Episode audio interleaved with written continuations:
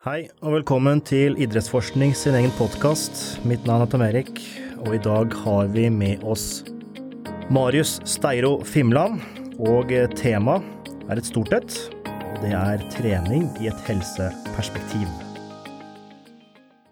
Marius, velkommen. Tusen takk, Tom Erik.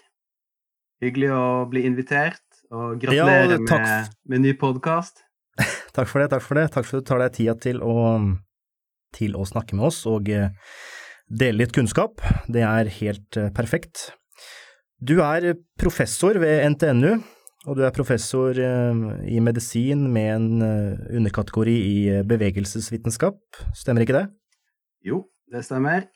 Kan du fortelle litt om din bakgrunn innenfor utdanning, jobb og forskning? Eh, jo, det skal jeg kunne gjøre. Um, det er jo litt sånn Hvor skal jeg begynne? Um, jeg, jeg, kan jo begynne Jeg kan jo begynne kanskje med um, Jeg begynte å studere, da. Det var ja. i uh, Bø i Telemark, hvor jeg var i fire år og studerte idrett, pedagogikk, idrettsadministrasjon og forskjellige sånne ting. Um, tanken var jo å bli Jeg visste jo ikke egentlig helt hva jeg ville gjøre med med livet mitt. Det eneste jeg vis, visste, det var at uh, jeg var interessert i trening. Og det var jo stort sett uh, det jeg brukte tida på. Um, ikke så mye på studier, men ganske mye på, uh, på trening, og spesielt styrketrening, da. Mm, mm. Så, um, så jeg visste Ja. Så jeg visste ikke egentlig hva jeg ville gjøre, men etter hvert så så uh, tok jeg master i England, uh, mm. i Loughborough. Mm. Um, du er ikke så mange som har hørt om Loughborough, kanskje, her i Norge. Du har sikkert Du har kanskje vært i Loughborough? Jeg har ikke vært der, men jeg har hørt om uh, universitetet, absolutt. Ja, ja, ja.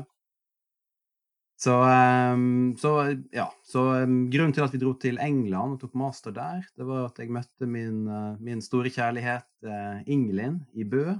Hun elsker å reise, hadde lyst til å ta en uh, mastergrad i England, så da våkna kanskje forskeren i meg, da, for, um, ja. uten at jeg tenkte så hardt over det. Så da kryssjekka jeg alle universiteter i Storbritannia om over 100. Um, og jeg ville da ta en mm. master i exercise physiology, eller treningsfysiologi, og hun ville mm. ta en, en master i økonomi og ledelse. Så da mm. kom, uh, kom Loughborough ut som det beste alternativet. Og, um, og på idrett så, så, var det vel i hvert fall blant de topp tre universiteter i Storbritannia på den tida. Mm. Så um, ja. ja. Uh, så bra. Uh, mm. Fra master til uh, hva, hva, hva, gjorde du etter masteren? Eh, jo, um, litt Altså, når jeg kom til Lafbra, da, så For første gang i livet mitt, da, så var jeg egentlig, ble jeg interessert i det jeg studerte på. Og um, interessen for forskning våkna veldig. Uh, tidligere, på bacheloren og sånt, så hadde vi jo mye sånn tekstbøker. Um, som jeg syns egentlig var ofte ganske kjedelig å lese. Um, men nå begynte vi å lese forskningsartikler om trening og idrettsernæring og sånne ting. Det syns jeg var kjempeartig da skjønte jeg litt mer om prosessen. Altså hvordan er det man kommer fram til kunnskap. Jeg, eh, så da ble på en måte tok den uh, interessen for det uh, forskning og det akademiske litt over for den personlige interessen for, uh, for trening. Um, og veilederen min um, på masteroppgaven i England, han en som heter Jonathan Follen, som har forska mye på ulike styrketreningstilnærminger, f.eks.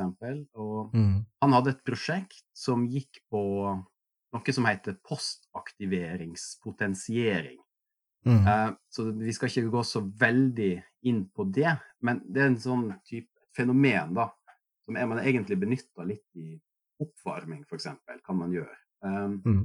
Det er ganske du... kjent at, uh, eller i hvert fall tidligere så var det kjent at uh, Safa Powell, sprinteren fra Jamaica, brukte tunge knebøy før han løp 100 meter. Ja, riktig. Og det er jo for å på en måte få et slags spenningsnivå i muskelen.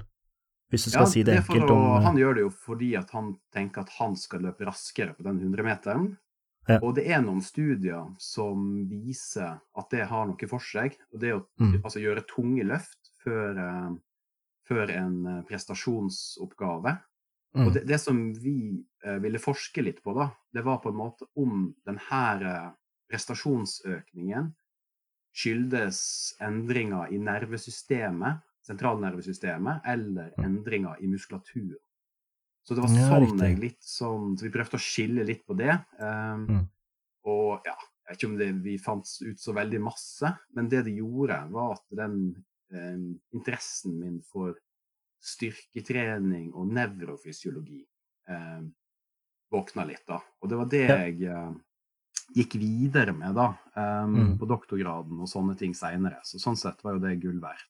Um, men ja, videre etter England. Um, da skjønte jeg at det var Jeg måtte ta en doktorgrad.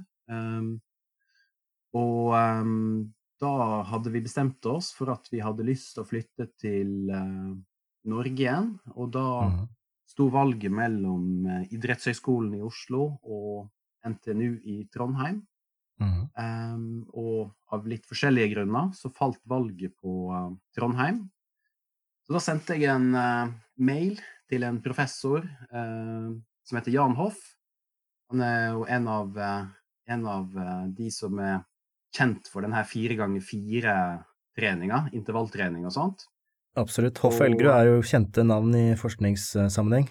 Absolutt. Og, og Jan Hoff, da, han er den som har av, av de to Janene, så det er han som var mest på styrketreningsbiten. Så mm. vil noen tilfeldigheter gjorde at jeg hadde, hadde lest noen artikler som han hadde skrevet. Så jeg sendte en e-post til han, og han var interessert i å ta meg opp som en doktorgradsstudent. Han kunne ikke love noe lønn. Men det var bare å komme, og han skulle, skulle fikse meg en plass å sitte og datatilganger og sånne ting. Eh, det, ble ingen, eh, det ble ikke noen lønn eh, for det arbeidet. Og det var ikke jeg, ikke jeg var på en måte bestemt på hva jeg ville gjøre doktorgraden min på, så jeg var ikke interessert i å ta meg først en jobb, og så søke på stipendiatstillinger som, som, gikk ut på uh, på ting som ikke jeg var så interessert i. Jeg var, hadde liksom er, er det en ting som, som jeg har gjort, det er, så er det å følge interessene mine. Og det, mm. det er Ja, det er, det er jo glad for, da. Nå, da. Men Det har fungert hittil, ser det iallfall ut til, tenker jeg. Ja, altså man kan jo si Jeg var litt usikker på om det fungerte så godt underveis hele veien, men, men sånn i ettertid så er jeg fornøyd med det. Så istedenfor å Så jeg hadde tre til fem deltidsjobber um, som treningsveileder, personlig trener. Jobba på en sånn uh, psykiatrisk uh, klinikk med trening av pasienter. Lærer mm. på videregående. Den beste jobben det var jo å jobbe um, som uh, fengselsbetjent. Spesielt nattevakt. Oh, ja. Da kunne jeg sitte og lese artikler på, på natta mens alle fangene var innelåst og sånne ting. Så mens på dagtid så jobber jeg med doktorgradsarbeid, da. Riktig. Men eh, med doktorgradsarbeidet og alle disse jobbene, hvor lange dager hadde du egentlig da? Timemessig? Det var litt Det høres ut som du jobba ikke, altså ikke sov i det hele tatt. um, uh, det, jeg vet ikke hvor mange, men det var, altså, det var jo egentlig døgnet rundt. Nesten. Altså sånn Når jeg hadde jobba hvis jeg jobba bare én nattevakt, f.eks., i fengsel, så, mm. så, la jeg meg ikke til å sove når jeg kom hjem. Da satte jeg meg og jobba. Wow. Så det gikk an å Men det, det, var mulig å kanskje sove to timer i løpet av en natt, nattevakt. Så da, så da, var det to timer søvn. Um, ok. Men, og du fungerte greit dagen etterpå, eller? Ja, det gjorde ja. det. ok. Men uh, det, går, det, er masse som uh, går an å gjøre i perioder. Da. Jeg tror ikke det hadde funka kjempelenge. Så uh, skulle, skulle jeg, hvis, jeg hadde, hvis jeg hadde flere nattevakter på rad, og sånne ting, da, så, så, måtte jeg selvfølgelig sove før jeg gikk. Men, ja, ikke sant. men det gikk en periode. Um, og um, ja. Så, så, nå da så har jeg jo på en måte gleden av å kunne fortelle da de doktorgradsstudentene jeg veileder per i dag, hvor godt de egentlig har det, når de syns Ja, at de har det tøft. Ja. Eh, Det er ganske det, det, det tror jeg veldig på. Eh, før vi på en måte går inn i innholdet på doktorgraden din, eh, så har jeg lyst til å spørre deg om eh, Hva skal jeg si eh, Hvordan det er å være student i England versus i Norge, og eh, om det er noen forskjeller der? Eh, ja, det er jo et um, interessant spørsmål. Um, det er, jeg vil kanskje Altså, jeg har jo ikke vært masterstudent i, i uh, Norge, men jeg leder jo nå en internasjonal master i fysisk aktivitet og helse. Så jeg har jo Mhm. noen, har noen formeninger om det. Ehm, jeg tror kanskje at Altså, en, en åpenbar forskjell, da, det er jo at masteren i England som jeg tok, den var kortere. Ja. Eh, den var gjort på tolv måneder uh, istedenfor uh, to år i Norge. Okay. Og um, hadde ikke, eh, ikke like mange studiepoeng, men sånn tre fjerdedel så mange studiepoeng som i Norge. Ja, riktig. Og det ga meg Altså, det som jeg eh, Det var veldig intensivt, da.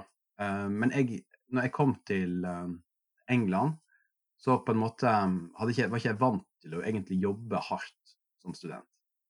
Så, et, så jeg hadde en sånn frykt da jeg starta, at uh, så kanskje jeg kommer til å stryke. Kanskje jeg ikke kommer til å, kanskje jeg ikke kommer til å klare å gjennomføre denne masteren. Um, så jeg gikk på en måte for første gang i mitt liv da, uh, knallhardt uh, ut i forhold til studiene. Og Mm. så skjønte jeg jo etter hvert da, at det gikk jo faktisk veldig bra, da. Og jeg, og jeg gikk, gikk jo ut som den beste i mitt kull, da. Um, til slutt, da. Men, men det tok lang tid før jeg på en måte skjønte at det gikk litt den veien, da. Jeg var, Mm. jeg var Så, jeg- så jeg jobba Det var veldig intensivt. Um, mens jeg opplever kanskje i Norge at her er det litt mer vanlig å kanskje ha deltidsjobb ved siden av studiene og sånne ting. Ja. Um, men um, mens det var ingen av oss som hadde noe deltidsjobb. Altså det var, det var For meg var det utenkelig, for det var, det var fulltidsarbeid å være student i England. Da. Men, men det hadde sikkert, hvis jeg hadde hatt Det hadde sikkert vært mulig og sånt, og det skal ikke si at uh, at det ikke er hardt å være masterstudent i Norge, for det er det. men, Mm. uh, men det er litt mer uh, litt, Jeg opplevde det som ganske intensivt da, og komprimert. Det var veldig masse som skulle læres på kort tid. Veldig kort tid, ja. Mm. Ja. Riktig, riktig. Jeg kan jo nevne én ting, da, um, at som var et problem for meg um, Og kunne vært et problem for meg. Og det er at uh, når man skal ta doktorgrad i Norge, um, så krever det da at man har en, like mange studiepoeng som en, uh, en toårig master i Norge. Så Ja, egentlig så var ikke jeg kvalifisert til å bli tatt opp, eller til, i hvert fall når jeg søkte noen stipendiatstillinger underveis i perioden. Um, og da fikk jeg faktisk tilbakemelding om at eh, den da masteren som jeg hadde tatt i England, ikke var Mm. ikke tilfred, var, det var ikke tilfredsstillende, da, for jeg hadde ikke nok studiepoeng, rett og slett. Det jeg Hva var løsningen på det? Komisk.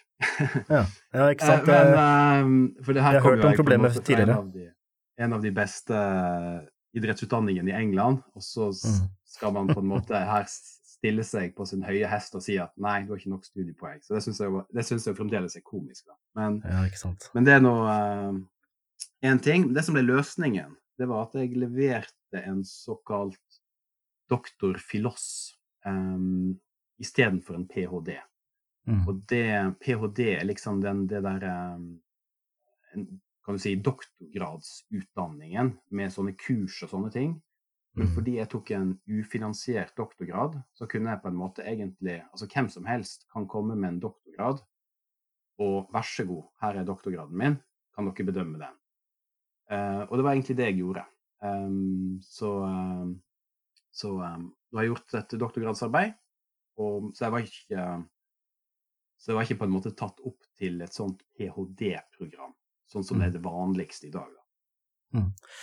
Tenker du at for studenter som sitter og hører på, eh, tenker du at den utdanningen du fikk i England, eh, som var veldig intensiv, men som jeg får inntrykk av at det var veldig bra, er det verdt å dra over til England og ta en, eh, en mastergrad, f.eks., og deretter å eh, gå veien eh, ved å ta en doktor filos i Norge? Eh, hva, hva, så er Mm. det For det høres Ja. ut som du blir veldig intensivt i både England, og det blir veldig intensivt, i hvert fall for din del, da, i, i Norge når man skal ta en doktorfilos, med tanke på at du ikke kunne, eller var- ikke var kvalifisert for en doktorgrad i, i Norge. Um, ja, det var veldig intensivt, og jeg ville gjort det igjen. Um, Ja. Men, men jeg, jeg ville ikke anbefalt noen andre å gjøre det, egentlig. uh, på den måten som jeg gjorde det. Da skal du være veldig eh, dedikert og interessert. Eh, Mm. Så det, det er ikke noe jeg kan anbefale. Jeg, vil helt klart anbefale å ta en master i England. Eh, eller så vil jeg jo også anbefale å ta den masteren som jeg leder, på NTNU i Trondheim. Ja. Um, som er internasjonal. Uh, så da er undervisninga på engelsk. Um, du har uh, studenter fra Ja, vi har studenter fra ikke hvor mange land det er, men fra Nigeria, fra Tyskland, fra flere land i Asia eh, og Europa, og selvfølgelig Norge. Um, Mm. Mm. så, så det Men eh, jeg, vil, jeg vil gjerne anbefale andre å ta en master i utlandet. Mm. Men det er greit å være oppmerksom på da. eh, og de fleste har jo ikke de fleste, Det er jo flere som tar en mastergrad, og så vil finne seg en jobb, enn å gå videre med forskning. Så, så akkurat så, så for de fleste formål så tenker jeg at det spiller ingen rolle at, Ja, ikke sant. at det, det Mm. Ja. Mm. Mm. Eh, I hvert fall, um, det virker jo som om du har en uh, veldig systematisk og uh, god tilnærming til alt det du gjør. Og under, eh, når du studerte i Bø, eh, så konkurrerte du også i Athletic Fitness, stemmer ikke det? Det er riktig. Um, og det å være athletic fitness-utøver krever jo en viss eh, dedikasjon og systematikk i egentlig alt man gjør. Uh, Ja. Er det der denne dedikasjonen til det du driver med kom fra, eller har du alltid hatt dette? Kanskje vi skal først forklare hva athletic fitness er for noe? For jeg vet Ja, ikke hvor det kan nok være godt. Eh, Det som, det som det var på den tida, når jeg eh, Det er vel fremdeles en idrettsgren, eh, men det som det var på den tida når jeg konkurrerte, det var at det hadde litt sånne kroppsbygging-element. At du står i undertøy og skal vise veldefinert muskulatur og eh, lav fettprosent og sånne ting. Og så skal du i tillegg konkurrere i noen styrkeøvelser, antall kroppshevninger og såkalt dips, der du presser Mhm. kroppen opp og ned Mm, i et sånt stativ. Eh, Mhm. Og så i tillegg hadde vi en sånn, eh, en sånn hinderløype som du skulle komme i mål på raskest mm. mulig Okay. Ikke roing? Er det, Det kom seinere. Ja, okay. Så i, i gamle dager, ja. 2002 til 2004, når jeg var aktiv, da, så, um, så, var, det, så var det hinderløype og ikke romaskin. Jeg tror det var vel først altså Det blir mye artigere med, med uh, hinderløype, egentlig. da, Både å se på og, uh, og uh, delta Litt i. mer Men, Publikumsvennlig, ja. ja, men, men det, det tok, uh, tok litt for lang tid, tror jeg. Og så var det jo litt Mm. sånn at det var umulig å konkurrere på uh, Eller å trene på, de, på hinderløypa. Du visste aldri helt hvordan den hinderløypa så ut. Jeg husker vi var i uh, Chateau Neuf et år um, i Oslo.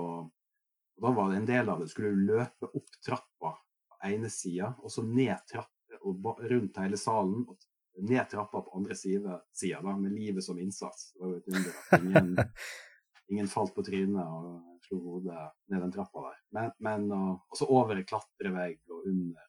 Litt sånn Army. ja. Mens du er eh, kanskje litt dehydrert og sulten og Ja, Litt ikke sånne ting. helt, eh, ikke helt Men det var litt sånn eh, Det var ikke så litt dehydrert, men eh, Men jeg dehydrerte meg aldri så veldig masse. Jeg eh, holdt på å si, Når man dehydrerer seg, så blir man jo òg ofte mye Muskulaturen blir flatere. Så du må jo ha vann ja. i muskulaturen for å få den til Mm. å se litt fyldigere ut og sånt. da. Men det her er jo eh, så, så jeg har jo på en måte, Fordi jeg har den litt bakgrunn der, da, så har jo jeg gått litt inn i vitenskapen seinere sett på noen av de tinga da som gjøres. Og det å dehydrere seg noe voldsomt, det tror jeg eh, ikke er spesielt gunstig. Jeg, altså, ikke, ikke et helseperspektiv, men heller ikke for å ikke for å se så bra som mulig ut eh, og prestere på en sånn type scene. da. Mm, mm. Eh, men, men du, spur, du, spurte om om eh, det var det som hadde fått meg til å bli så dis disiplinert i forhold til uh, til seinere utdanning og sånt, var det det du spurte om? Ja, det stemmer. Ja. Um, litt us jeg tror egentlig ikke det. Altså, det der var Altså, vi er jo forskjellige, da. Og det Mm. som Det som på en måte er en del av meg, det er at jeg kan gå veldig dypt inn i noe i perioder, og så ikke fokusere på så masse annet på en måte, i perioder. Og det var nok sant, I de åra der så fokuserte jeg veldig hardt på trening og konkurrering i athletic fitness og sånne ting, og neglisjerte egentlig litt studiene mine.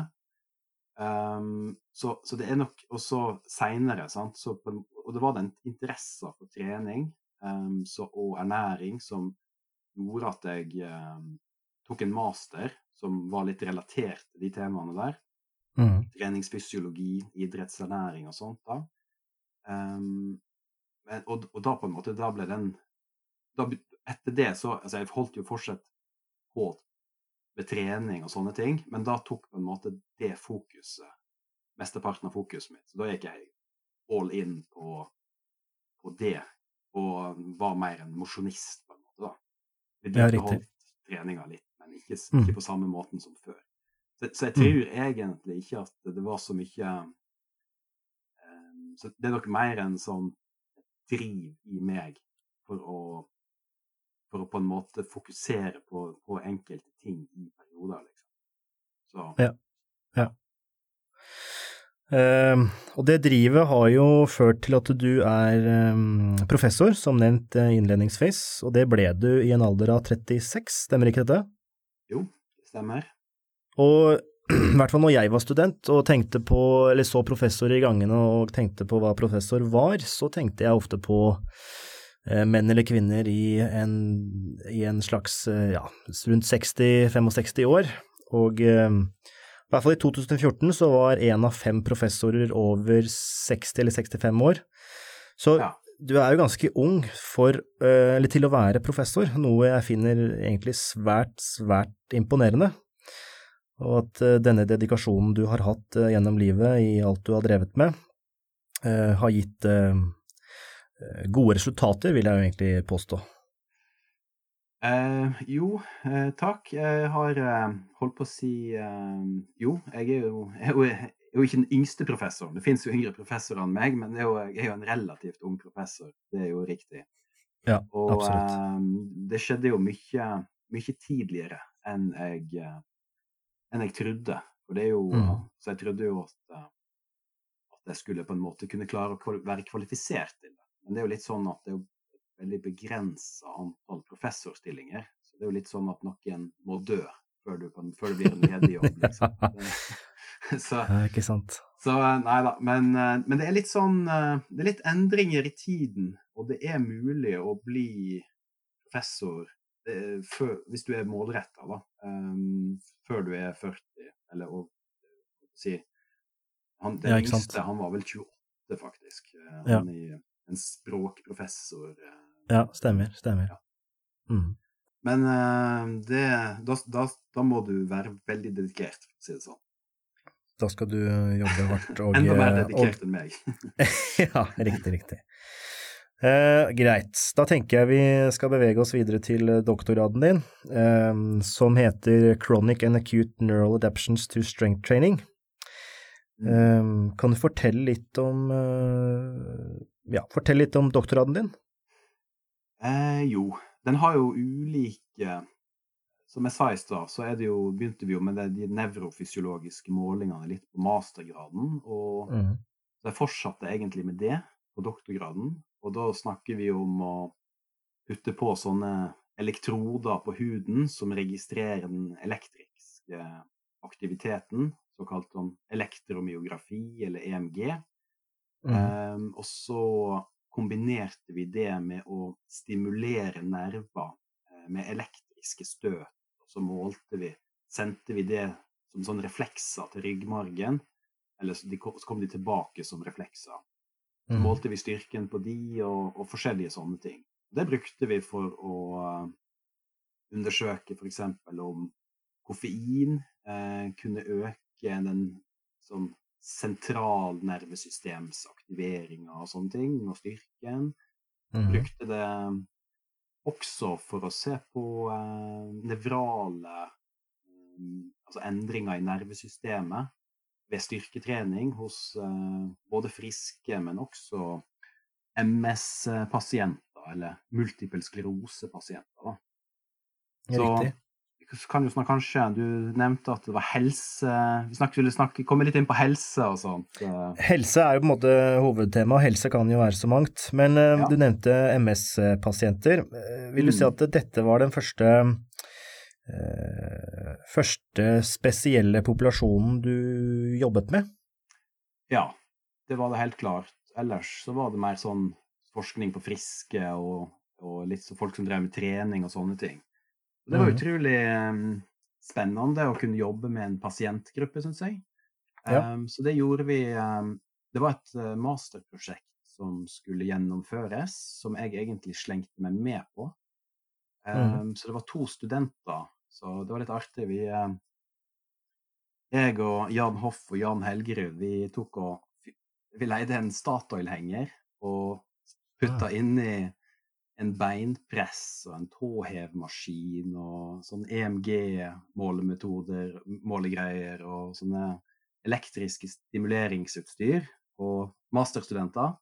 Så dro ja. vi til MS-senteret i Hakkadal og ja. uh, gjennomførte målinger og sånt. Og de, uh, de MS-pasientene, nei, de masterstudentene, de ble igjen i tre uker og gjennomførte et styrketreningsopplegg Mm. Um, og uh, så kom jeg tilbake um, og uh, gjennomførte nye målinger og sånne ting uh, ja. til den perioden. Og jeg, jeg, kan jo kanskje fortelle kort hva multiple sklerose er for noe. Um, ja, gjerne det. Og det er en autoimmun sykdom. det betyr da at immunforsvaret til de her pasientene ved en eller annen misforståelse Eh, så angriper det på en måte sin egen kroppen og, det, og nervene, da. Og fører da til eh, at den her isolasjonslaget rundt nervefibrene, som man kan tenke på egentlig som elektriske ledninger rundt, rundt en elektrisk ledning så har du noe sånn gummiisolasjon, ikke sant? Og i kroppen Det er det som kalles for myelin, er det ikke det? Myelin, ja. Sånn fettlag som isolerer rundt nervene. Så det blir, eh, det blir angrepet, og så, så, du får en sånn demyeliniseringseffekt. Og det kan også føre til nedbryting av selve nervefibrene. Da. Og, og, det gjør da til at uh, du får en nedsatt evne til å si, rekruttere uh, nervene, og til å på en måte ha en høy fyringsfrekvens. Um, så, så tanken med at styrketrening kunne være positivt i forhold til det, da, det er at eh, styrketrening har At det var vist at styrketrening hadde litt motsatte effekter, men da hos friske. da, At den førte til en økt evne til å rekruttere eh, de her motoriske enhetene. da, eh, og, og også til å på en måte sende raskere impulser til muskulaturen fra nervesystemet.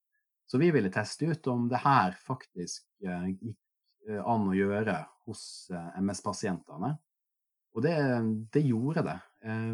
Så halvparten av, av de MS-pasientene som deltok, de fikk bare da det vanlige rehabiliteringstilbudet. De, mens de som, som, deltok da i styrketreningsopplegget, fikk styrketrening i tillegg til det vanlige opplegget.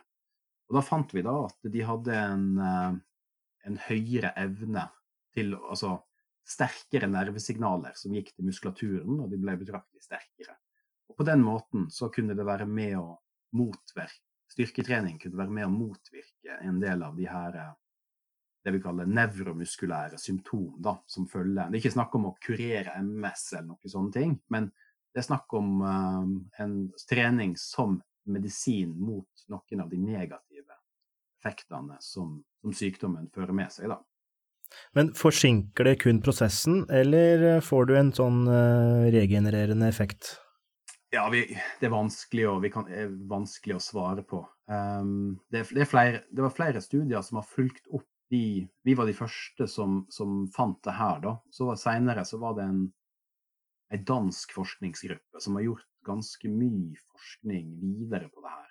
Um, så, men nøyaktig mekanismene for det her, det, det har ikke vi Altså, jeg, jeg, tror ikke vi Jeg vil ikke tro at kanskje det på en måte det er blitt en regenerering av myelin og sånne ting. Et, kanskje mer de friske nervebanene som som um, har blitt, blitt, bedre, kan du si. Flinkere til ja. å sende signal. Og, og kan godt hende at de ramma områder også, også, har det. Men uansett, styrketrening fører til, til en uh, god økning i styrke i beina, spesielt for de her folka. Da. Og, og grunnen til at uh, beina var på en måte hovedområdet, fokusområdet, det er jo at uh, det er lengre avstand fra, fra nervesystemet, altså sentralnervesystemet, hjernen og ryggmargen, til beina enn til armene, f.eks. Så det er større sjanse for at det er um, ja, negative effekter uh, av MS-en. Riktig. Uh, dette var, eller Styrketreningen besto av fire ganger fire, stemmer ikke dette? jo, det var fire serier og fire repetisjoner i hver serie. både i i eh, beinpress og tåhev. Altså trening for leggene. Men var det da, eller eh, hvor tung var eh, motstanden? Altså var det en RM, eller var det 90% av en RM? Det var så tungt som de klarte å Altså hvis de kunne klare å gjennomføre fire serier med fire repetisjoner, så ble belastningen økt neste gang.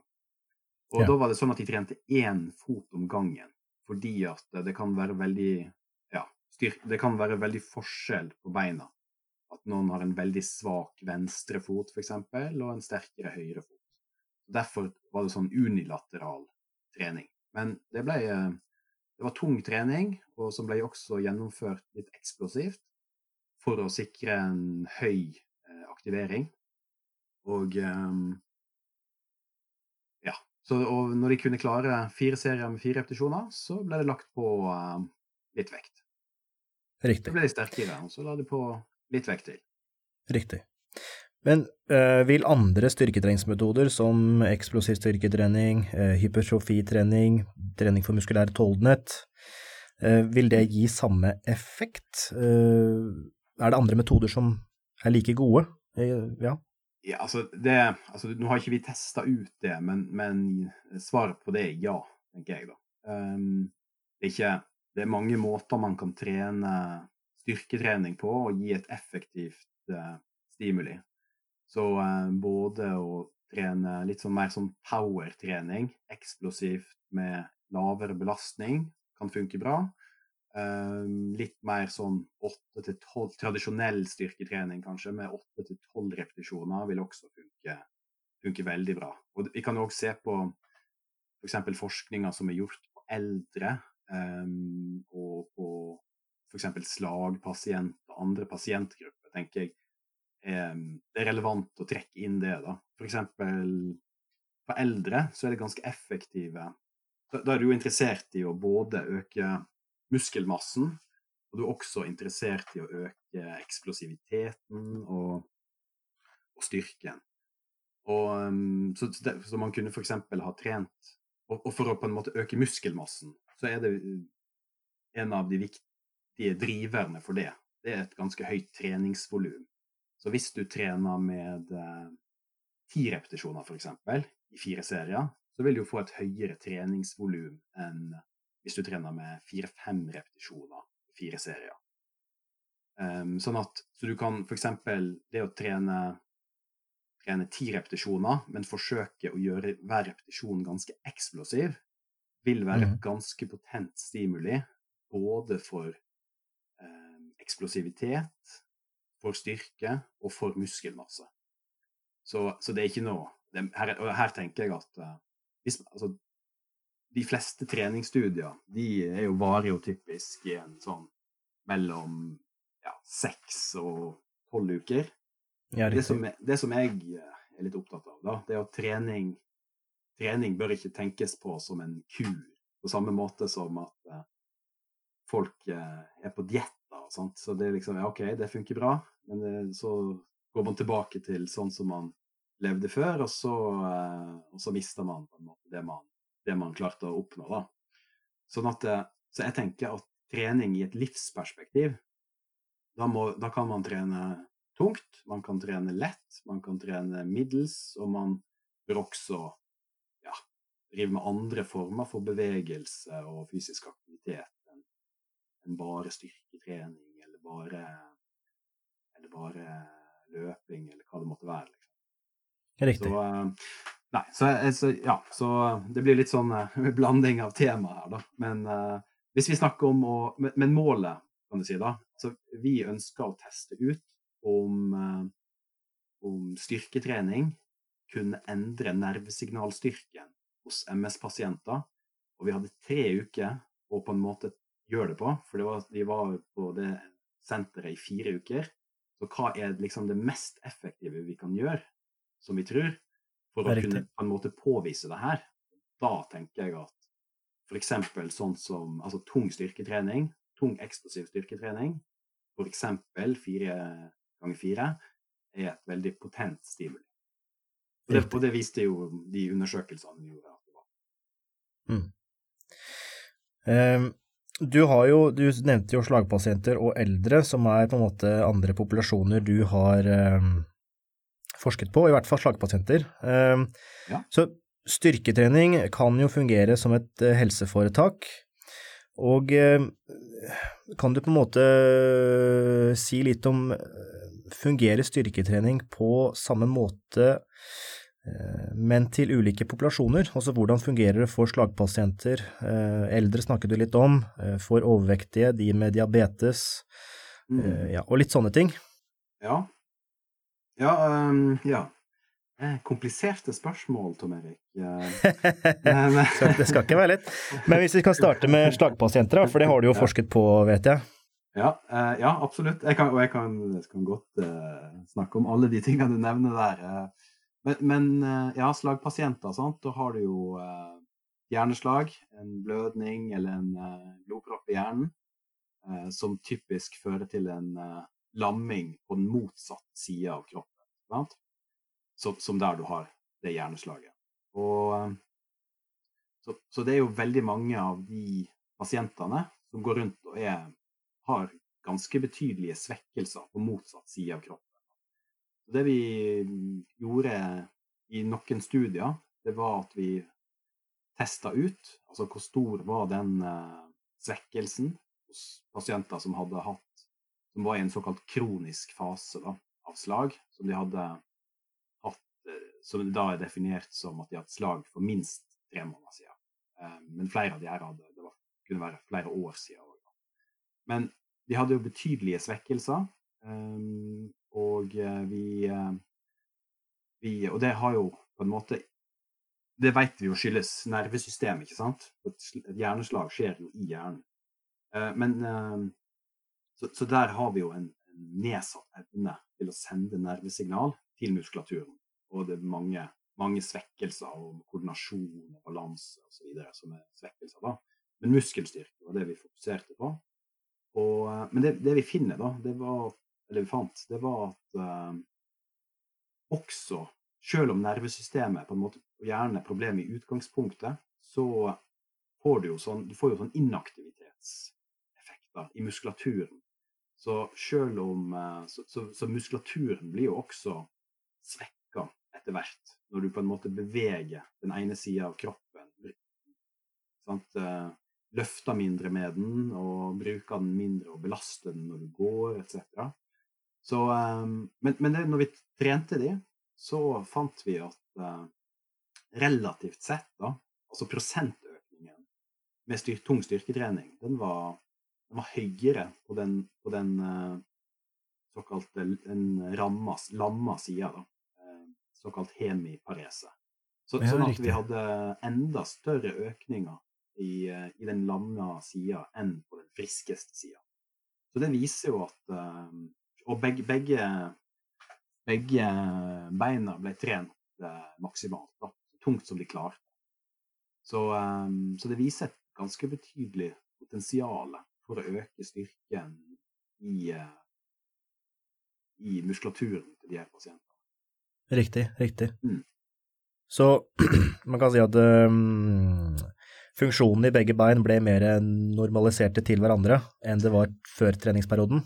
Ja, altså du kan si at kilobelastninga de klarte å øke med, den var omtrent like stor, men prosentvis fordi at den svakeste sida kan du si, var mye svakere i utgangspunktet, så prosentvis var jo det en mye større økning.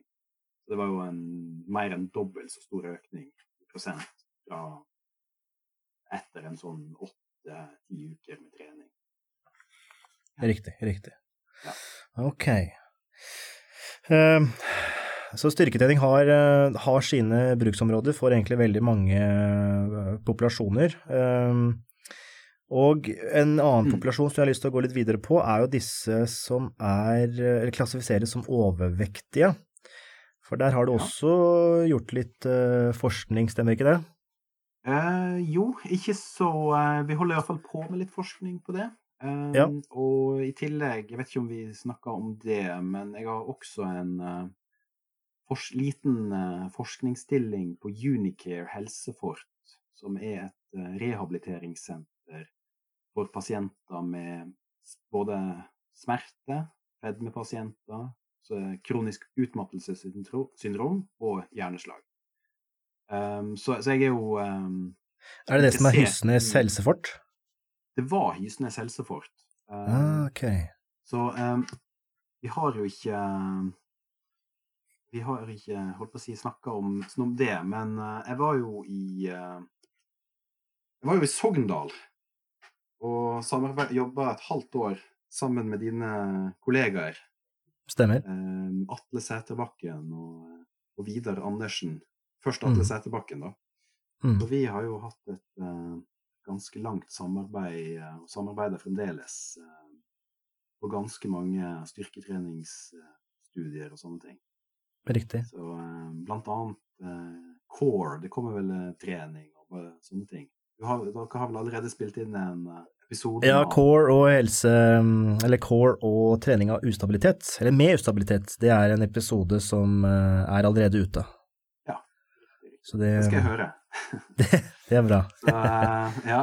Men uh, ja, jeg holdt på å si uh, ukependla jo til Sogndal fra Trondheim. Um, det var jo litt lang, lang kjøretur. på vinteren så er det åtte timer. Å, oh, herregud, det er langt. Eh, på sommeren så, er Sognefjellet åpent, så er det seks timer. Å oh, ja, stemmer. Men det, kunne okay. ikke, det kunne jo ikke vare i Fruen var jo ikke veldig fornøyd eh, med den Nei, meningen. Det skjønner jeg. Så, så, så um, det da Det gjorde et halvt år, da. Um, men når det da kom en mulighet i, om å være med og starte opp et rehabiliteringssenter eh, utafor Trondheim, da, i Rissa kommune på Fosen, så tok jeg den, den muligheten. Og det var da et uh, arbeidsretta rehabiliteringssenter. Um, det visste jo jeg ingenting om på den tida, mm. men, mm. Uh, men, tok den muligheten og var med og bygde opp spesielt det tilbudet som da gikk på fysisk trening som en del av arbeidsretta rehabilitering. Som da også besto av en sånn mestringsbit og kosthold og det å lage seg sin egen plan for å komme tilbake i jobb og sånne ting. Riktig. Så, så det holdt vi var vel i drift i fem år, eh, og så ble det lagt ned fordi at det hadde egentlig støtte fra statsstøtte. Eh, og så ville Mhm. man eh, opphørte den statsstøtten. eh, og da var det noen et privat selskap som heter Unicare, som kjøpte det opp. Og nå har det da blitt Unicare Helse for. Og da rehabilitering okay. for de gruppene som jeg nevnte i stad, inkludert fedme. Ja. Så, Men ja, hensikten med fortet, eller hensikten med, mm, med stedet, er det samme?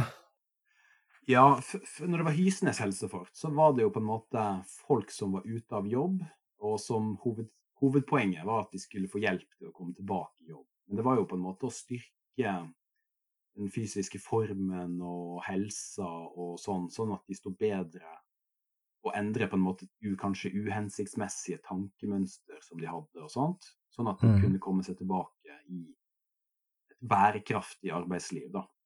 Og eh, så, så det, du kan si at det, var, det er jo noen fellesnevnere, men nå er ikke det sånn at nå er målet på en måte å, å styrke funksjonen og livskvaliteten, og at de skal få mindre av de plagsomme symptomene de har. Eller i hvert fall Mm. at de skal kunne, skal kunne håndtere, håndtere livet sine på en bedre måte. Det vil si det er mange, det er mange fellesnevnere, men også, også noen forskjeller. Det er ikke så et spesifikt mål når man skal tilbake til jobb, f.eks. Selv om det for mange folk eh, helt klart det er selvfølgelig et mål, det også. Ja, absolutt. Mm. Um, um, før vi går videre til dette med trening og um, arbeid, så har jeg lyst til å spørre deg om en NRK-debatt som var for et par måneder siden, som eh, omhandlet eh, trening og ernæring for overvektige. Ja. Der eh, på den ene siden så hadde man overleger, eh, jeg husker ikke helt eh, hvorfra, men det var vel kanskje St. Olavs hospital? Det var St. Olav. Ja, um, som sto for at um, hvis man skal fokusere, for, fokusere på noe, så burde man fokusere på dette med ernæring, og få folk til å spise uh, sunt. Uh, mens på den andre siden så var det folk som mente at eh, ernæring og trening må ses i sammenheng, og at eh, trening er også eh, så å si like bra, mente de, som det å endre kostholdet sitt. Hva, du har sikkert sett denne debatten, og hva, hva slags tanker har du om, om dette, dette temaet? Eh, jo, jeg eh, har ganske mange tanker om dette temaet. Eh, først så vil jeg jo si at det virker som en del har fett på hjernen. Og med det da, så mener jeg at eh, altså, det er greit at folk altså For eksempel da, i forhold til helsefortet, eh, så, så er, kommer det jo folk i, som henvises pga. fedme. Men fedme er ikke den eneste utfordringen for folk som har en del kilo for masse. Sant? Mm. Og, Mm. så, så hva er på en måte Hva er det viktigste i livet? Eh, er det å gå ned noen kilo, eller er det å ha det bra? Er det Mm. å ha en fysisk form som gjør at du kan klare å bevege deg, osv.? Er det å ha um, Prøve å hindre um, diabetes type 2, f.eks.? Mm. altså det er litt sånn Jeg syns det blir for dumt å snakke kun om vekt i en sånn debatt. Og- Jeg skjønner, altså, og hvis du skal Altså hvis du skal gå ned 40 kilo eh, på et halvt år 20 uker eller hva, hva det måtte være, så, Mm. så, så kan ikke du Du kan ikke Hvis du er eh, 50 kilo for tung, da, eller hvis du er sykelig overvektig, så, så kan ikke du løpe de kiloene av deg. Det klarer du Nei, ikke. ikke sant. Nei. Men eh, og, og da er det jo selvfølgelig at du raser ned i vekt mye raskere hvis du begrenser matinntaket. Det er ingen som er uenig i det. Men jeg syns det på en måte blir men, Når man går ut da og sier at eh, Jeg husker ikke e- eksakt hva, hva det var som var de uttalelsene, men, men jeg, jeg syns det var uheldig å gå ut på den måten som det blei, eh, og på en måte skulle liksom for, for hva er det på en måte altså, Folk som jobber med en spesiell gruppe fedmepasienter, da, Mm. um, så, så tenker jeg at ja, selvfølgelig um, er det på en måte Skal de her folka ned i vekt, så, så må de begrense matinntaket. Det, det fins ingen annen måte. Det fins mange uh, veier til målet. sant? Det er jo rikelig med forskjellige typer dietter eh, som lover deg at du skal kunne gå ned i vekt. Men felles for de alle, det er at de, de opererer på en måte med eh, Det som funker med de, det er at de, det er ulike triks for å få i seg mindre kalorier. Eh, om det er lavkarbo, om det er Atkins diett, eller om det er lav fett, eller hva det måtte være, så er grunnen til at folk går ned i vekt, er at de får i seg mindre enn de forbruker. Sånn at uh, Og der vil, jo, der vil, jo, veldig mange være uenige med deg.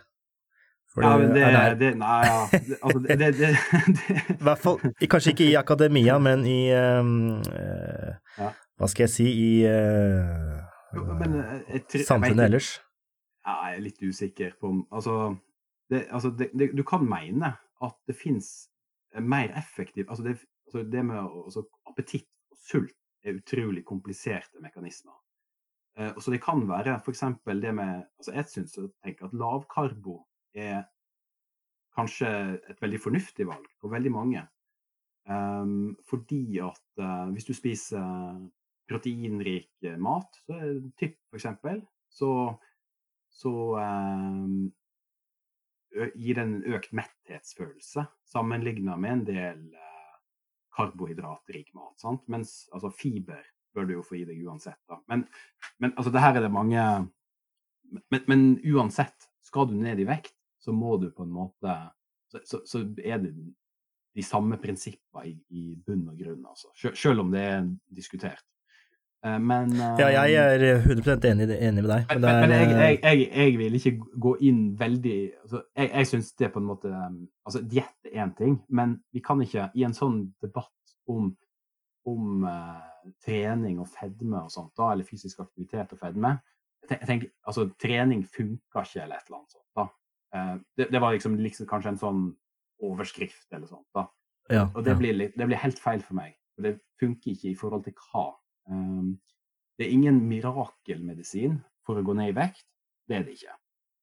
Men, men eh, trening og fysisk aktivitet må ses på uavhengig av vekta, tenker jeg. For vi vet at fysisk aktivitet og trening hjelper for så mange andre ting enn bare vekta. Så det er litt sånn uh, så, så, så, det er liksom derfor starter jeg med at en del virker som de har fett på hjernen. Det er veldig mye annet uh, som er viktig for pasienter eller folk som har noen kilo for masse, enn bare vekta. Ja. ja. Det er litt mer nyansert, og, uh, eller mer nyansert enn den uh, debatten som ble veldig, kanskje litt reduksjonistisk. Den ble fordummende, rett og slett. Ja, var, egentlig. Jeg, jeg, var litt opprørt når jeg så den, og ja. så, jeg endra Jeg hadde undervisning i folkehelse Eh, dagen etterpå, den debatten, mm. så jeg endra undervisningstemaet til Og diskuterte med studentene i Det var da tredje året på bevegelsesvitenskap, um, bachelor her i Trondheim. Mm. Og de hadde rikelig med synspunkter, de også. Så det ble en veldig bra, veldig bra diskusjon. Ja, ja absolutt. Ja. Så, absolutt. Men, så uh, Så for å på en måte mm, ikke konkludere, men på en måte trekke litt eh, linjer her, er jo at eh, den debatten var veldig unyansert. Og yes. at uh, overvektsproblematikken handler ikke bare om vekt, men at det er et multi... Hva skal jeg si multikomponent problembilde. At det er flere, flere ting her som, som påvirker uh, om du går opp eller ned i vekt, enn bare kalorier inn og kalorier ut. Ja, og, og um, Men også men, bare for å på en måte sette meg sjøl inn i um, Prøve å se ståstedet til de klinikerne og forskerne som gikk ut med det i starten, så, så kan jeg på en måte eh, For jeg tror sant, de møter de her pasientene, og liksom De har kanskje veldig mye dårlig samvittighet, og en del av de har eh, ja, en del utfordringer i livet sitt. Og så kan, liksom, så, så, det kan være Det kan hende at man i en periode skal fokusere på å uh, ha et lavt kaloriinntak, være på en diett, rett og slett. Uh, og, um, og, på en måte at det er nok å fokusere på det i en periode. Men, men fra det å på en måte si at fysisk trening virker ikke, det, det blir et veldig, veldig langt og, og, ikke riktig hopp, da.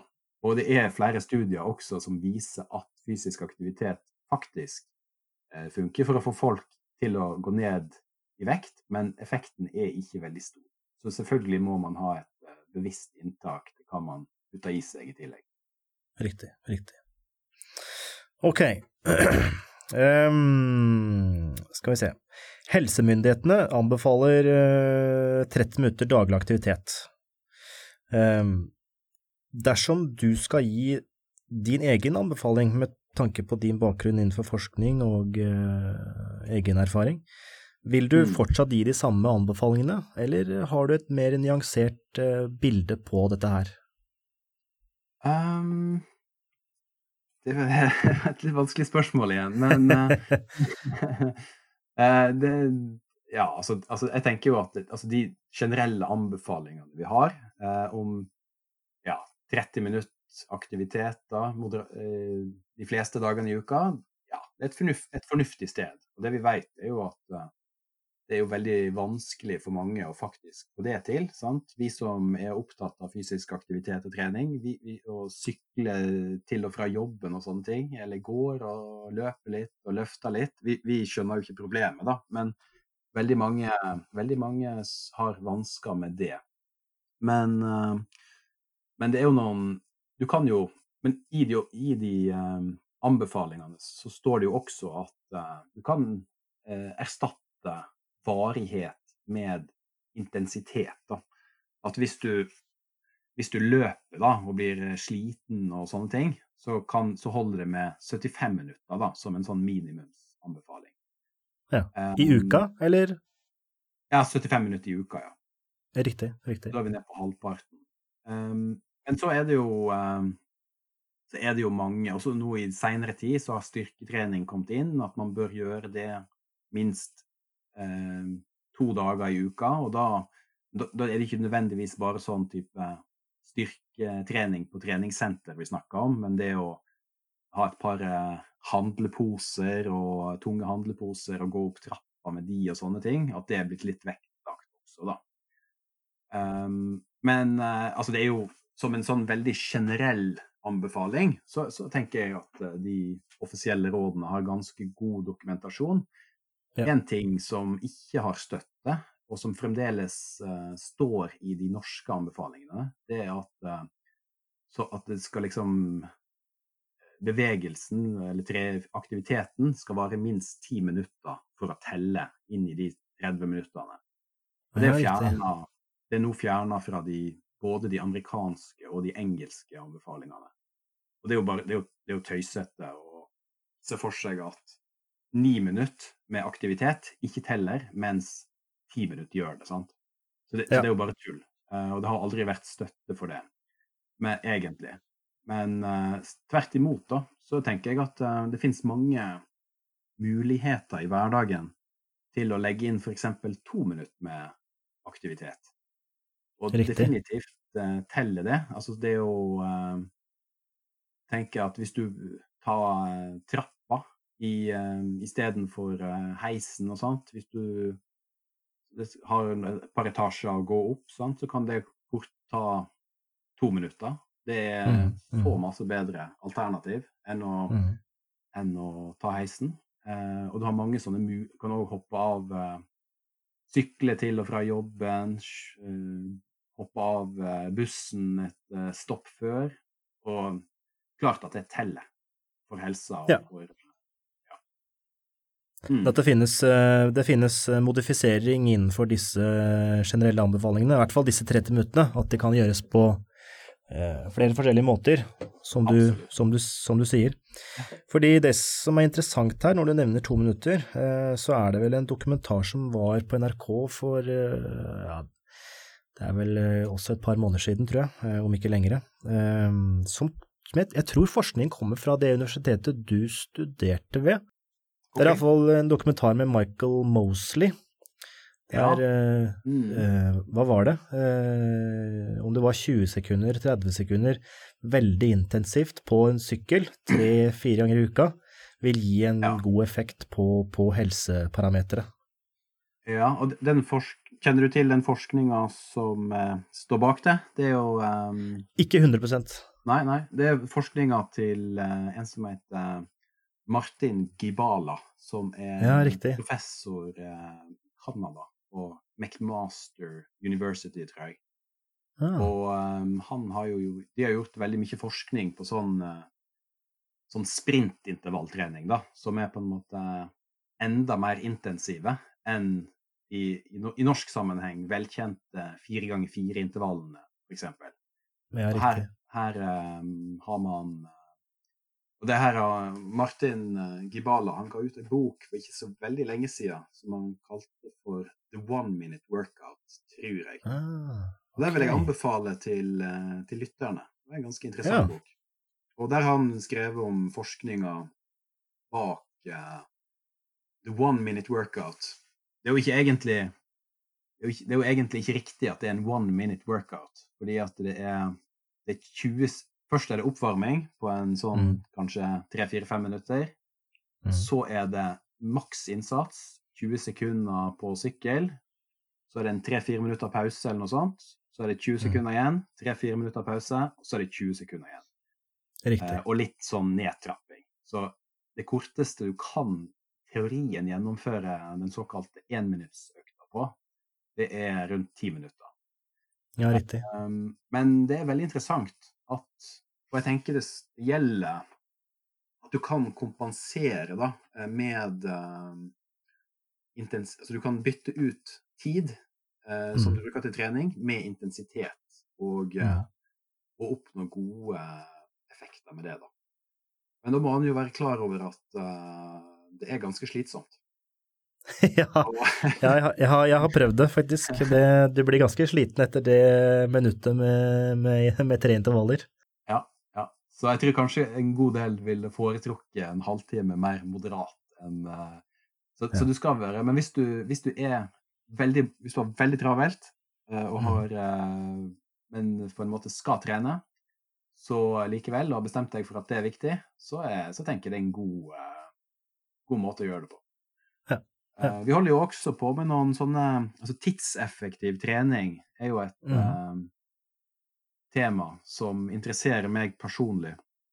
Um, mm. etter at jeg uh, fikk barn og eh, hadde nok rikelig rikelig ting å gjøre på jobben og, og sånne ting. Og, um, så, da begynte, så da begynte jeg å forske litt på um, å teste ut mer sånn tidseffektive treningsmodaliteter. og um, mm. vi holder jo på med en eh, oversiktsartikkel um, i samarbeid med eh, en som heter Vegard Iversen. Som jeg Ja. vil anbefale dere å ta en eh, egen podkastepisode med og snakke om Det det, det temaet. Men jeg kan snakke litt om det, da. Og Ja. for eksempel det å um, Det å um, sn sniktrening, da. Um, det er jo litt sånn at altså folk tenker ofte sånn um, at OK, skal du på trening i dag? Skal vi dra på trening i dag? sant? Altså, Så er det liksom enten trening eller ikke trening. Men det går jo an å inkorporere trenings... eh, trening i hverdagen sin. Sant? Og det å ta så jeg, jeg har ikke noe behov for å dra på et treningssenter for å ta benkpress eh, når jeg kan ta armhevinger i stua. Og barna de vil veldig gjerne stå eller sitte på ryggen mens jeg holder på med det der. Og til og med kona mi eh, kan slenge seg på ryggen min av og til når jeg tar noen armhevinger. Det blir litt sånn Milos, eh, Milos okse. Det Hvis, du, ja, hvis folk kjenner, kjenner det begrepet, med tanke Jo, på progresjon fra å bruke barna til å bruke kona. Absolutt. Um, du kan jo fortelle historien hvis du vil, eh, Tom Erik. Jeg, jeg, jeg, Ja, vil ikke, jeg, vil ikke sammenligne barna og kona Nei. med kalven. Det var absolutt ikke noe sammenligning eh, med, med, dine, med din familie, men eh, Milos, Milos okse handler vel egentlig om eh, at det var, Om det var i Hellas eller hvor det var, jeg husker ikke helt, men det var iallfall uh, ja, en gutt som uh, vokste opp sammen med en kalv som han uh, bar rundt. Og desto eldre både gutten ble og kalven ble, så ble jo kalven tyngre og tyngre. Og han ble sterkere og sterkere på grunn av at belastningen på kalven og til slutt oksa ble større. Ja, og det er, sier litt om progresjon og, og det treningsprinsippet progresjon, at det er viktig. viktig. Det er vel den første sånn, sånn, anekdoten om progressiv styrketrening som jeg tror er felt ned skriftlig. Altså den historien ja. om Milos som bærte rundt på denne kalven og da ble sterkere og sterkere etter hvert som eh, kalven ble til en fullvoksen okse. Ja. Riktig, riktig. Mm. Ja. Men, Men uh, ok, ja. ja. Tidseffektiv trening, det er uh, Det fungerer både i en utholdenhetsform og styrkeform. Er det det vi på en måte sitter igjen med her? Ja, vi holder jo på Altså, det kan man jo gjøre, sant. Og det finnes jo mange måter i styrketrening. sant. Det er jo en del som som en del da, som ikke er kanskje så vant til å trene styrketrening, som syns at det er litt sånn Er det her trening? Skal jeg ta en serie, og så skal jeg sitte og vente i tre minutter eller to minutter, eller noe ja, sånt? Ja. Mm. Og så skal jeg gjøre det samme på nytt igjen. Mm. Og for de da som syns at um, det blir litt uh, kjedelig og, og, og, sånt, så har du jo muligheten til å bruke flere ulike typer treningsprinsipp for å um, øke få inn mer trening på kortere tid. Da. Og én metode er jo supersett styrketrening. Ja. Eh, hvor du og, og um, hvis man skal gjøre det tidseffektivt Vi holder, har nå to masterstudenter som jeg og Vegard Iversen eh, veileder, eh, mm. som, eh, som eh, tester nå ut om effekten av eh, et supersett styrketreningsprogram versus et tradisjonelt styrkeprogram. Og i, så den tradisjonelle styrketreningsprogrammet, de trener da eh, benkpress én serie om gangen. Så har de eh, beinpress, en, en, øvelse da, og så tar de bare en serie med noen repetisjoner, og så har de pause, og så på nytt igjen. Og så har de nedtrekk og en sånn roøvelse. Så det tar ja, kanskje 30-40 minutter. Mens uh, har vi ei gruppe som istedenfor å ha å, Som bytte da mellom to ulike øvelser. Og um, f.eks. da bytte mellom benkpress og roing, da. Istedenfor å sitte og ha pausen din. Så mens mm. brystmuskulaturen og tricepsmuskulaturen uh, henter seg inn igjen, så trener du den motsatte muskulaturen, som på en måte er uthvilt. Så, mm. den, så da, eh, nå skal vi da gjøre det i et sånn tiukersprosjekt og se om, om du kan få eh, den samme styrkefremgangen eh, med halvparten av tida til trening. Og, eh, så det tror vi kanskje at vi får, sånn cirka. Eh, mm. men, men, effekten sånn, hvordan det oppleves der og da, det er ganske forskjellig. Ja, ikke sant. Vanlig trening, da de sitter jo og har det relativt komfortabelt, mens da den supersettreningsgruppa, de, en del av de iallfall, de ligger på gulvet og ja, er ganske slitne. Ja, ikke sant. Men de kan ikke dra sant. litt eh, De kan trene bare på halvparten av tida. Ja. Så eh, tenker du da at eh, eh dersom volumet er det samme mellom disse gruppene, så vil resultatet så bli det samme, det er kun tiden det tar for å oppnå samme resultat som er forskjellen? Ja, altså Men et annet spørsmål er om de klarer faktisk å få til det samme volumet. Fordi at du blir så sliten sentralt. Så selv om du ikke bruker den samme muskulaturen på de ulike øvelsene, så er, har du en sånn subjektiv opplevelse av slitenhet. Så det kan mm. hende at den, den opplevelsen av slitenhet i kroppen gjør at de faktisk ikke klarer å få til det samme volumet. Og dermed at supersett-styrketrening eh, gir en kanskje en litt dårligere effekt enn den tradisjonelle treninga. Eh, mm. Men uansett så vil det nok være ganske tidseffektivt likevel. Og det er jo litt sånn, mm. altså Hvis du er toppidrettsutøver, sant, så spiller det ingen rolle hva som er den mest tidseffektive treninga. Hvis jobben din er trening, Sant? Det, er sånn, det spiller ingen rolle om det er tidseffektivt for en langrennsløper på elitenivå um, som har jobben sin og går ski. Om den Mm. personen kan få raskere eh, og mer tidseffektiv trening, f.eks. av intervalltrening, hvis den har på en måte veldig god tid til trening. Da, er, da, da er spørsmålet for en idrettsutøver hva er den mest optimale måten å trene på? Eh, mens for folk flest sant, så, så er spørsmålet ofte hvordan kan du få mest mulig igjen for minst mulig innsats? Og det mm, Personlig så er stiller jeg meg det spørsmålet eh, på mange områder i livet. Hvordan kan jeg få mest mulig, mulig igjen for minst mulig innsats? Jeg tror du er ikke aleine om det. Det Absolutt. Interessant. Mm. Eh, greit. Eh, det siste vi på en måte har lyst til å gå inn på her, det er eh, dette med trening og sykefravær. Ja. Og eh, der du i, jeg tror det var 2017, så skrev du et innlegg på NTNU sin egen blogg. eh, Der du, overskriften var 'Fake news om trening og fravær'. Ja, den, ja. Ja, det, kan du eh, snakke litt om det? Altså, er, det, ikke- er, det, er det ikke sånn at man, hvis man trener, så får man et mindre jobbfravær og kan eh, eh, komme tilbake til jobb?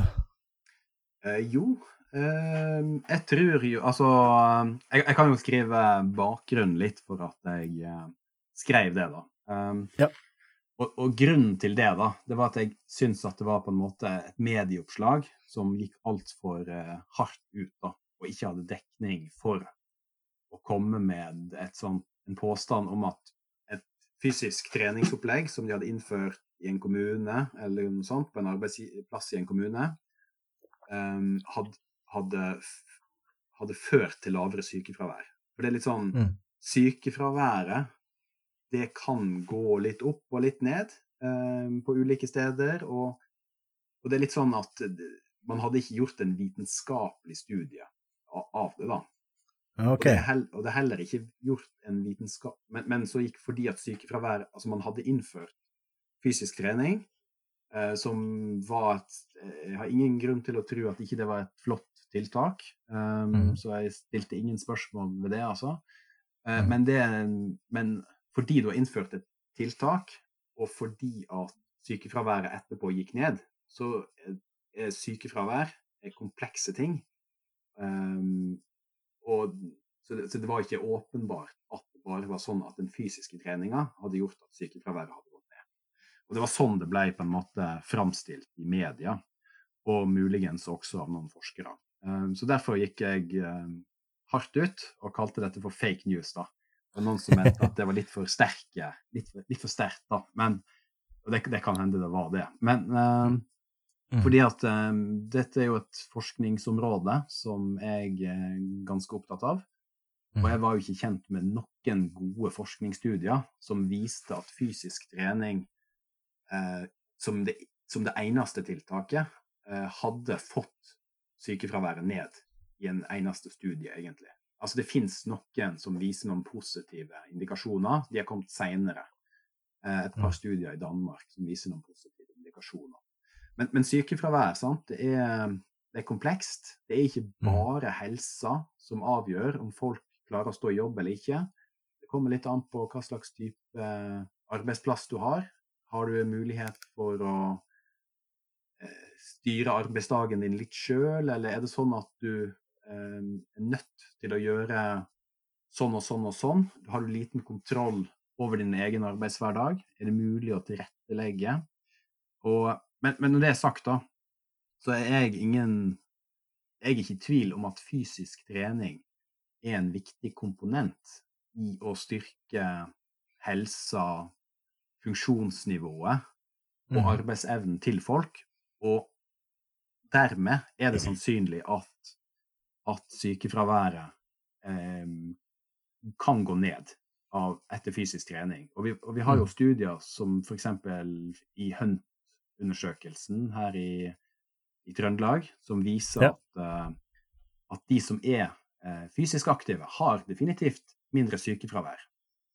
Um, og de som Også en studie vi gjorde i Helseundersøkelsen i Nord-Trøndelag viste jo at de som var fysisk aktive, hadde betraktelig mindre risiko for uh, uføretrygd i en sånn elleve-årsperiode uh, som vi fulgte de opp i. da.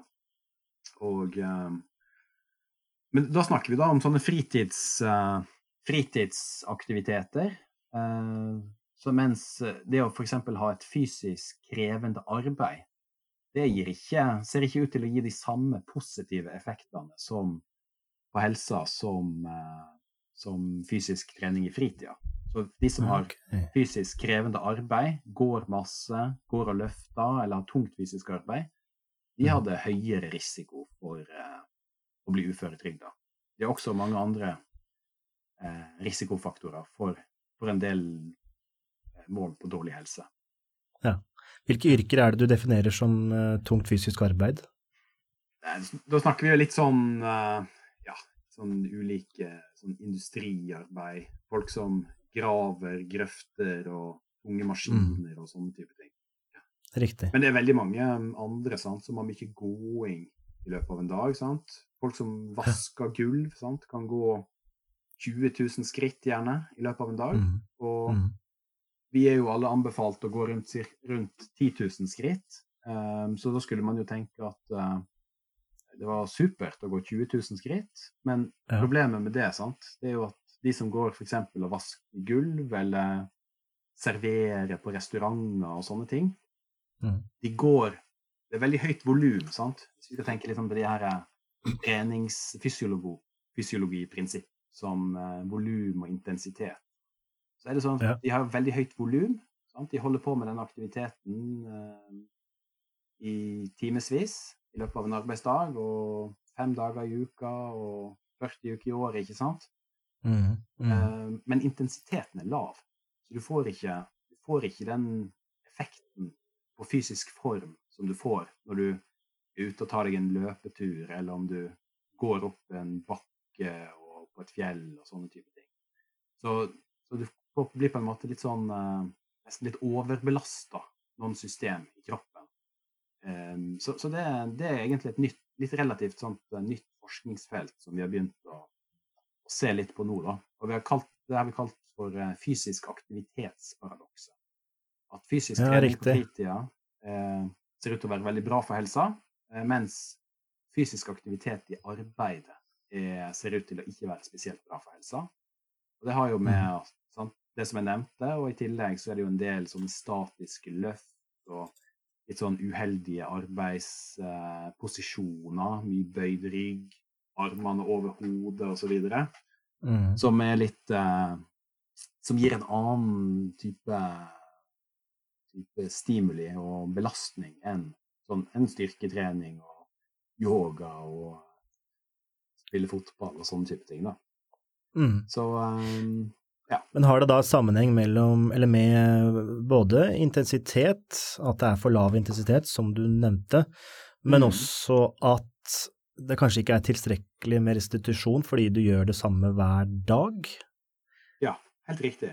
Og samt ja. i, fri, altså, i idretten så ville vi jo kalt det for overtrening, ikke sant? Mm. Um, så, um, så, det å ha det å ha variasjon og, og, og, en annen ting, sant? at du har jo ofte fritidsaktiviteter. Sant? Så har vi jo kontroll sjøl. Hvis jeg trener i hvis du Tom Erik, trener ei tung styrkeøkt og kjenner at uh, muskulaturen Du har tenkt å, å trene ei ny økt uh, to dager etterpå, men du kjenner at uh, følte ikke deg helt klar, så kanskje mm. du utsetter dag, økta med en dag til. Mens mm. hvis, du, uh, hvis, det er jobben din, så er det på'n igjen neste dag med samme belastning. Så. Ikke sant, ikke sant. Så, så det, og i tillegg sant, så, er det jo, så er det jo noen sånne sosioøkonomiske faktorer inne i bildet her. da.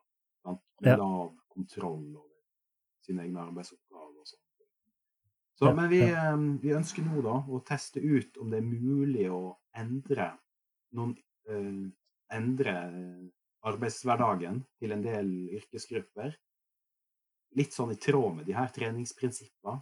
Sånn at du på en mhm. måte er det mulig å gjøre sånn at du kan få litt mer høyintensitetsaktivitet for å styrke mhm. formen, er det mulig å få inn litt mer hvile, f.eks.? De som går masse i løpet av en dag, de Mm. har antagelig godt av litt mer eh, hvile også.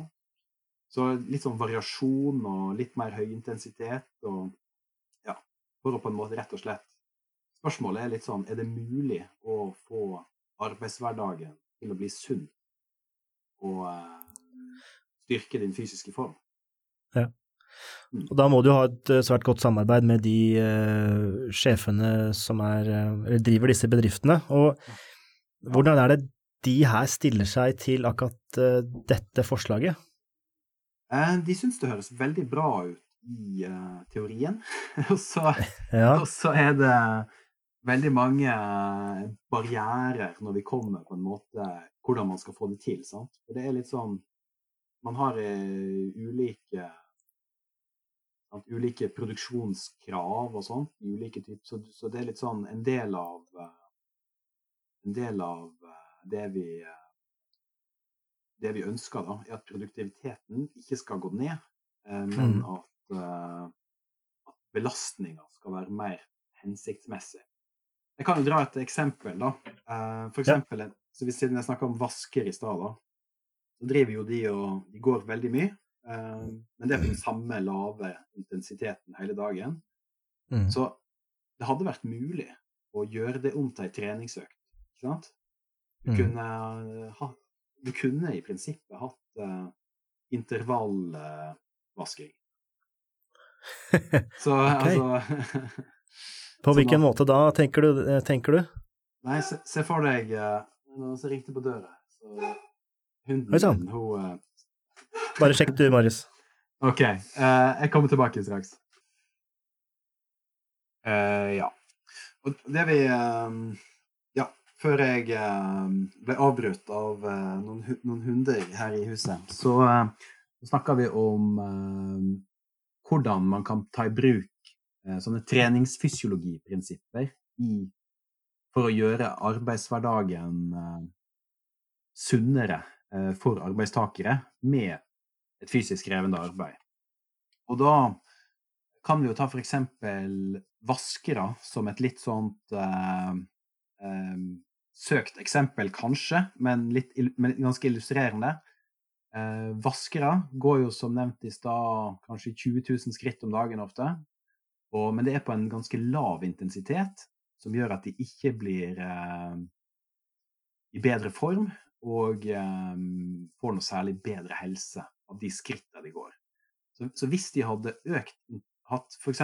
samme antall skritt, men eh, økt intensiteten, sånn at de også fikk opp pulsen i perioder, eh, så ville det vært bedre for helsa. Da kunne man jo tenkt seg eh, eh, intervallvasking, eh, f.eks., der man eh, der man har nærmest løpet med vaskekosten og eh, i perioder, og har mer, eh, mer eh, lavintensitetsvasking, og til og med har tid til å sette seg ned og la beina hvile litt.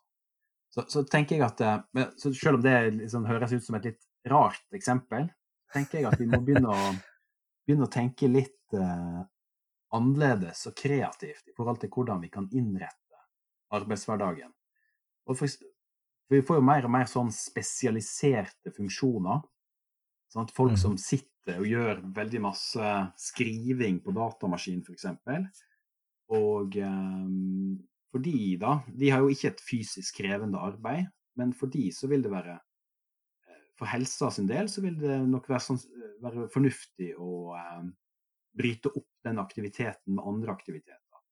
Hvis Mm, ikke det mm. kan la seg gjøre, så, er, så vet vi jo òg at det om treningstiltak på arbeidsplassen for de eh, kan være gunstig. F.eks. så lite som to minutter styrketrening med strikk om dagen har vist seg å gi ganske god effekt smerte og eh, i sånn kontornakkeområdet, da.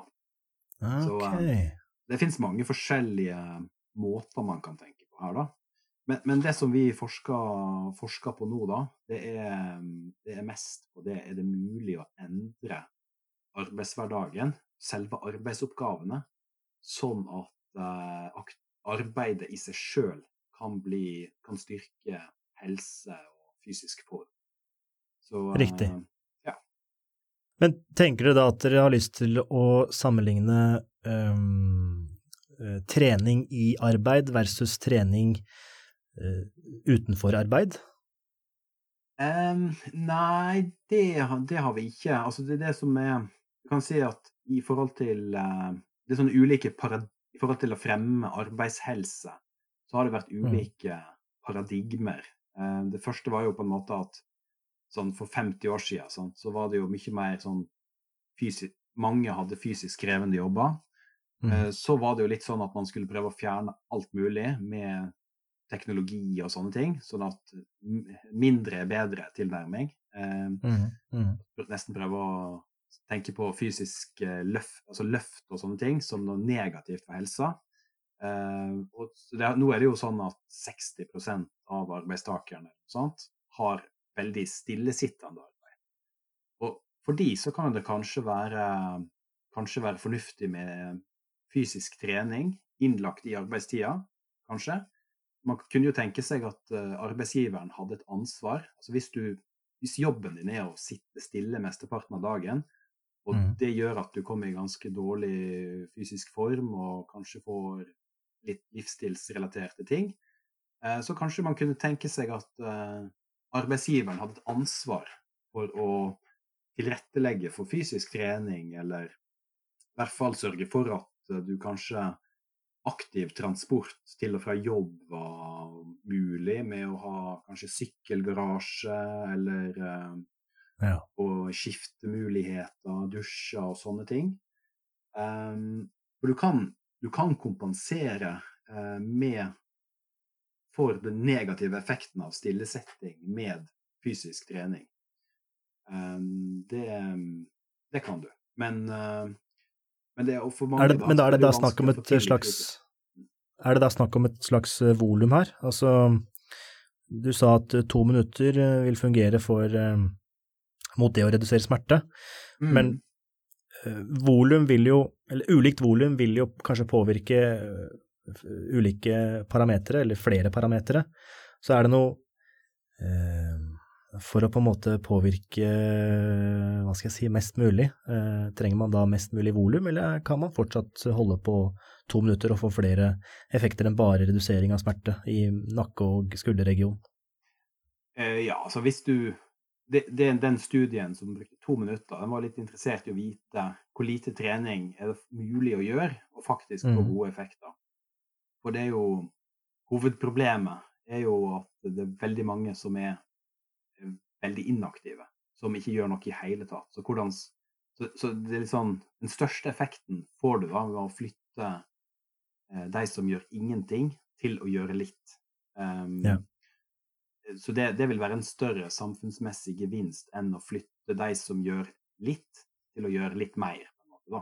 Mm. Så, så, men helt klart at man får Investerer man mer tid i fysisk aktivitet og trening, så får man Mm. mer gevinst.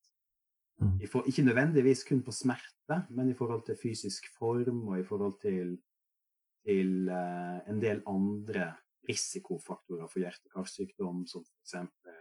blodtrykk, kolesterolnivå osv. Så, videre.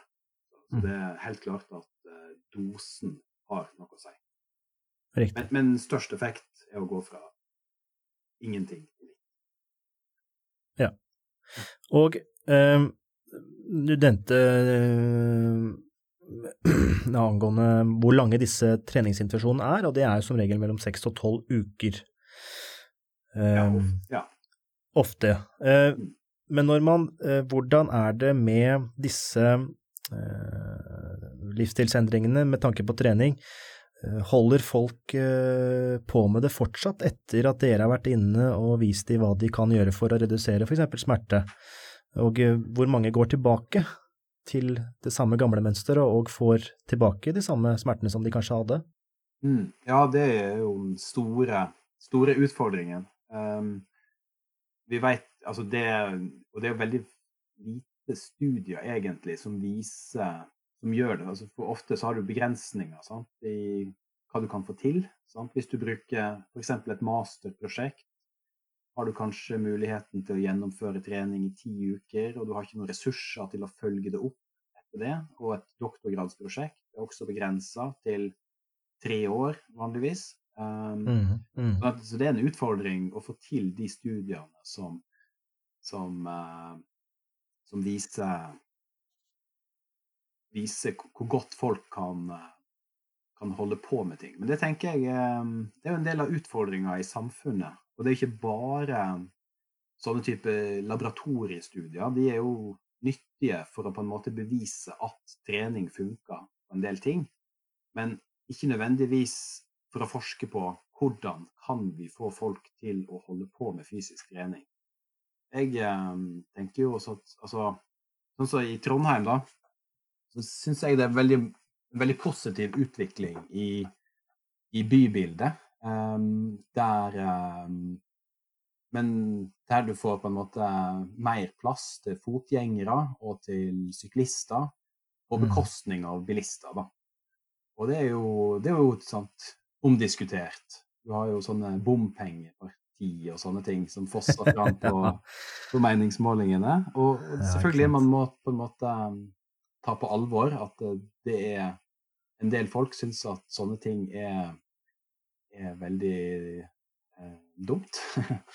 Eh, mm. men, eh, men, jeg tenker sånn jevnt over, da, så tenker jeg at altså, hvordan, bybild, hvordan byen ser ut, eller plassen der du bor, har du, har du tilgang til, til, områder som gjør at det er lett å, å transportere seg sjøl på en aktiv måte til jobben, som ikke Der bilen er på en måte det eneste alternativet, nærmest. Um, mm så, eh, så, tenker jeg at det er sånne ting um, da, da, må vi tenke mye, mye bredere enn bare treningsforskning, tenker jeg da.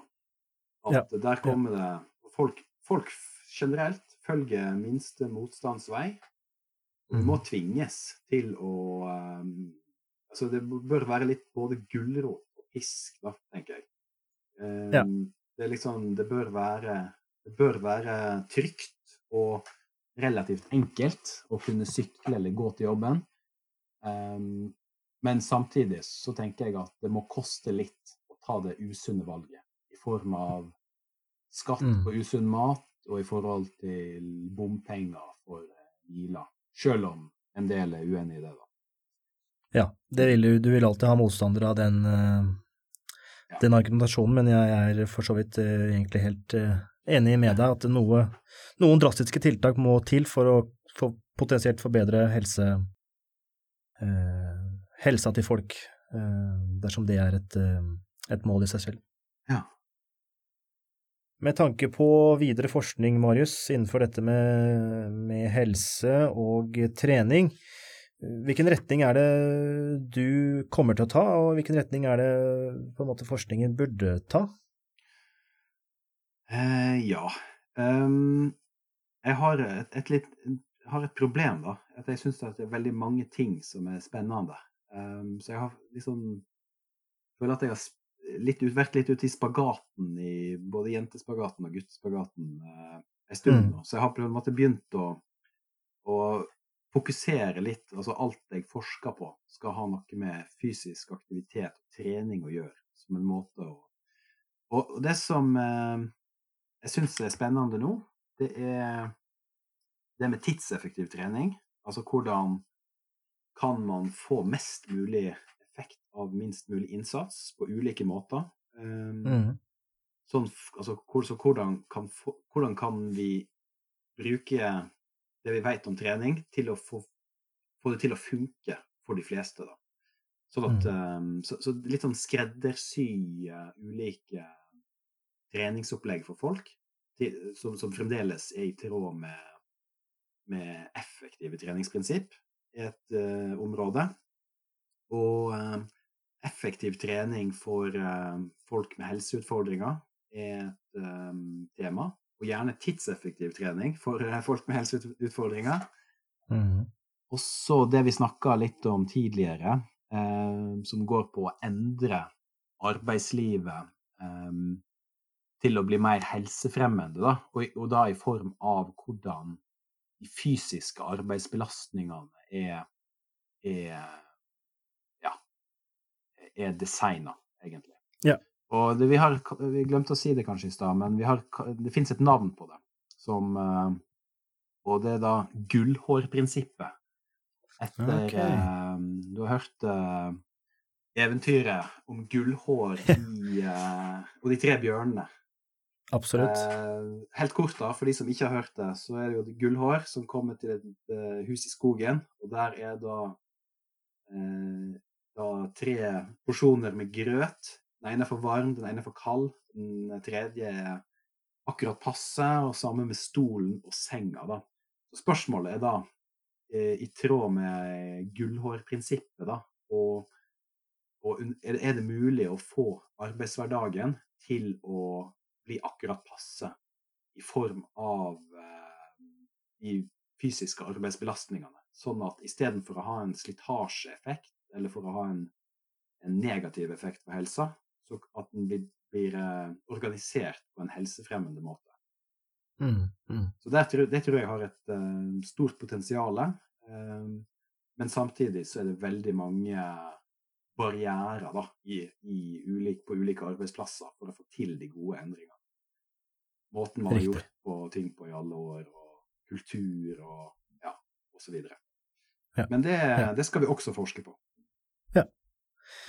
Interessant. Ehm, for å på en måte oppsummere litt her hva vi har snakket om, så ehm, Og det har jo ikke vært eh, lite. ehm, men at Nei. trening absolutt eh, er eh, en måte å forbedre helsa på, det er jo helt klart. Med både utholdenhetstrening, styrketrening, og at både intensitet og varighet kan, kan variere for å få de samme effektene. Mm. Eh, Men også at eh, trening kan inkorporeres innad i jobb, dersom, eh, dersom bedriften legger til rette for dette her. Mm. Um, og at det, dette har potensielt en virkning mot sykefravær, og mest sannsynlig har en virkning mot sykefravær. Um, det er i hvert fall slik jeg kan oppsummere det vi har eh, snakket om. Jeg vet ikke om du har lyst til å tilføye noe mer enn det? Nei, jeg tror det, det fanga essensen i, i det. Det var, det var Takk for praten. Det var Ja, absolutt. Takk for praten, Marius. Det var veldig hyggelig at du kunne, kunne komme og gjøre det. Du er jo vår første professor på podkasten, så det er vi jo ganske stolte av.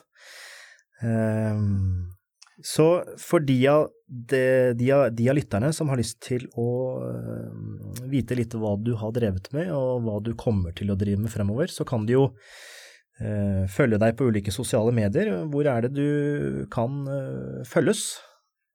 Ehm, jeg kan følges både på Instagram og Twitter som uh, ett Marius Fimland. Ja. Og så er det for de som er kanskje enda mer spesielt interesserte, så er det jo ResearchGate, som er et slags Facebook for akademikere. Der får man jo kanskje enda mer eh, detaljert eh, informasjon om eh, forskningen du driver med spesielt. Ja, absolutt. Og der er jo en del av de forskningsartiklene mulig å laste ned og sånne ting, for de som, for de som vil det. Mm. Og eh, som tidligere så kommer vi også til å legge ved artiklene vi har snakket om eh, i beskrivelsen under podkasten, slik at folk kan eh, lese seg opp og eh, bli litt eh, mer eh, informasjonsrike. Da vil jeg takke for at du var med oss, Marius, og jeg vil takke for at eh, lytteren har lyttet på, og jeg håper at eh, den som har lyttet på, har lært noe. Jeg har lært eh, veldig mye. Det var dette for denne gang. For en god episode, og med mye kunnskap og kompetanse. Og vi høres om litt.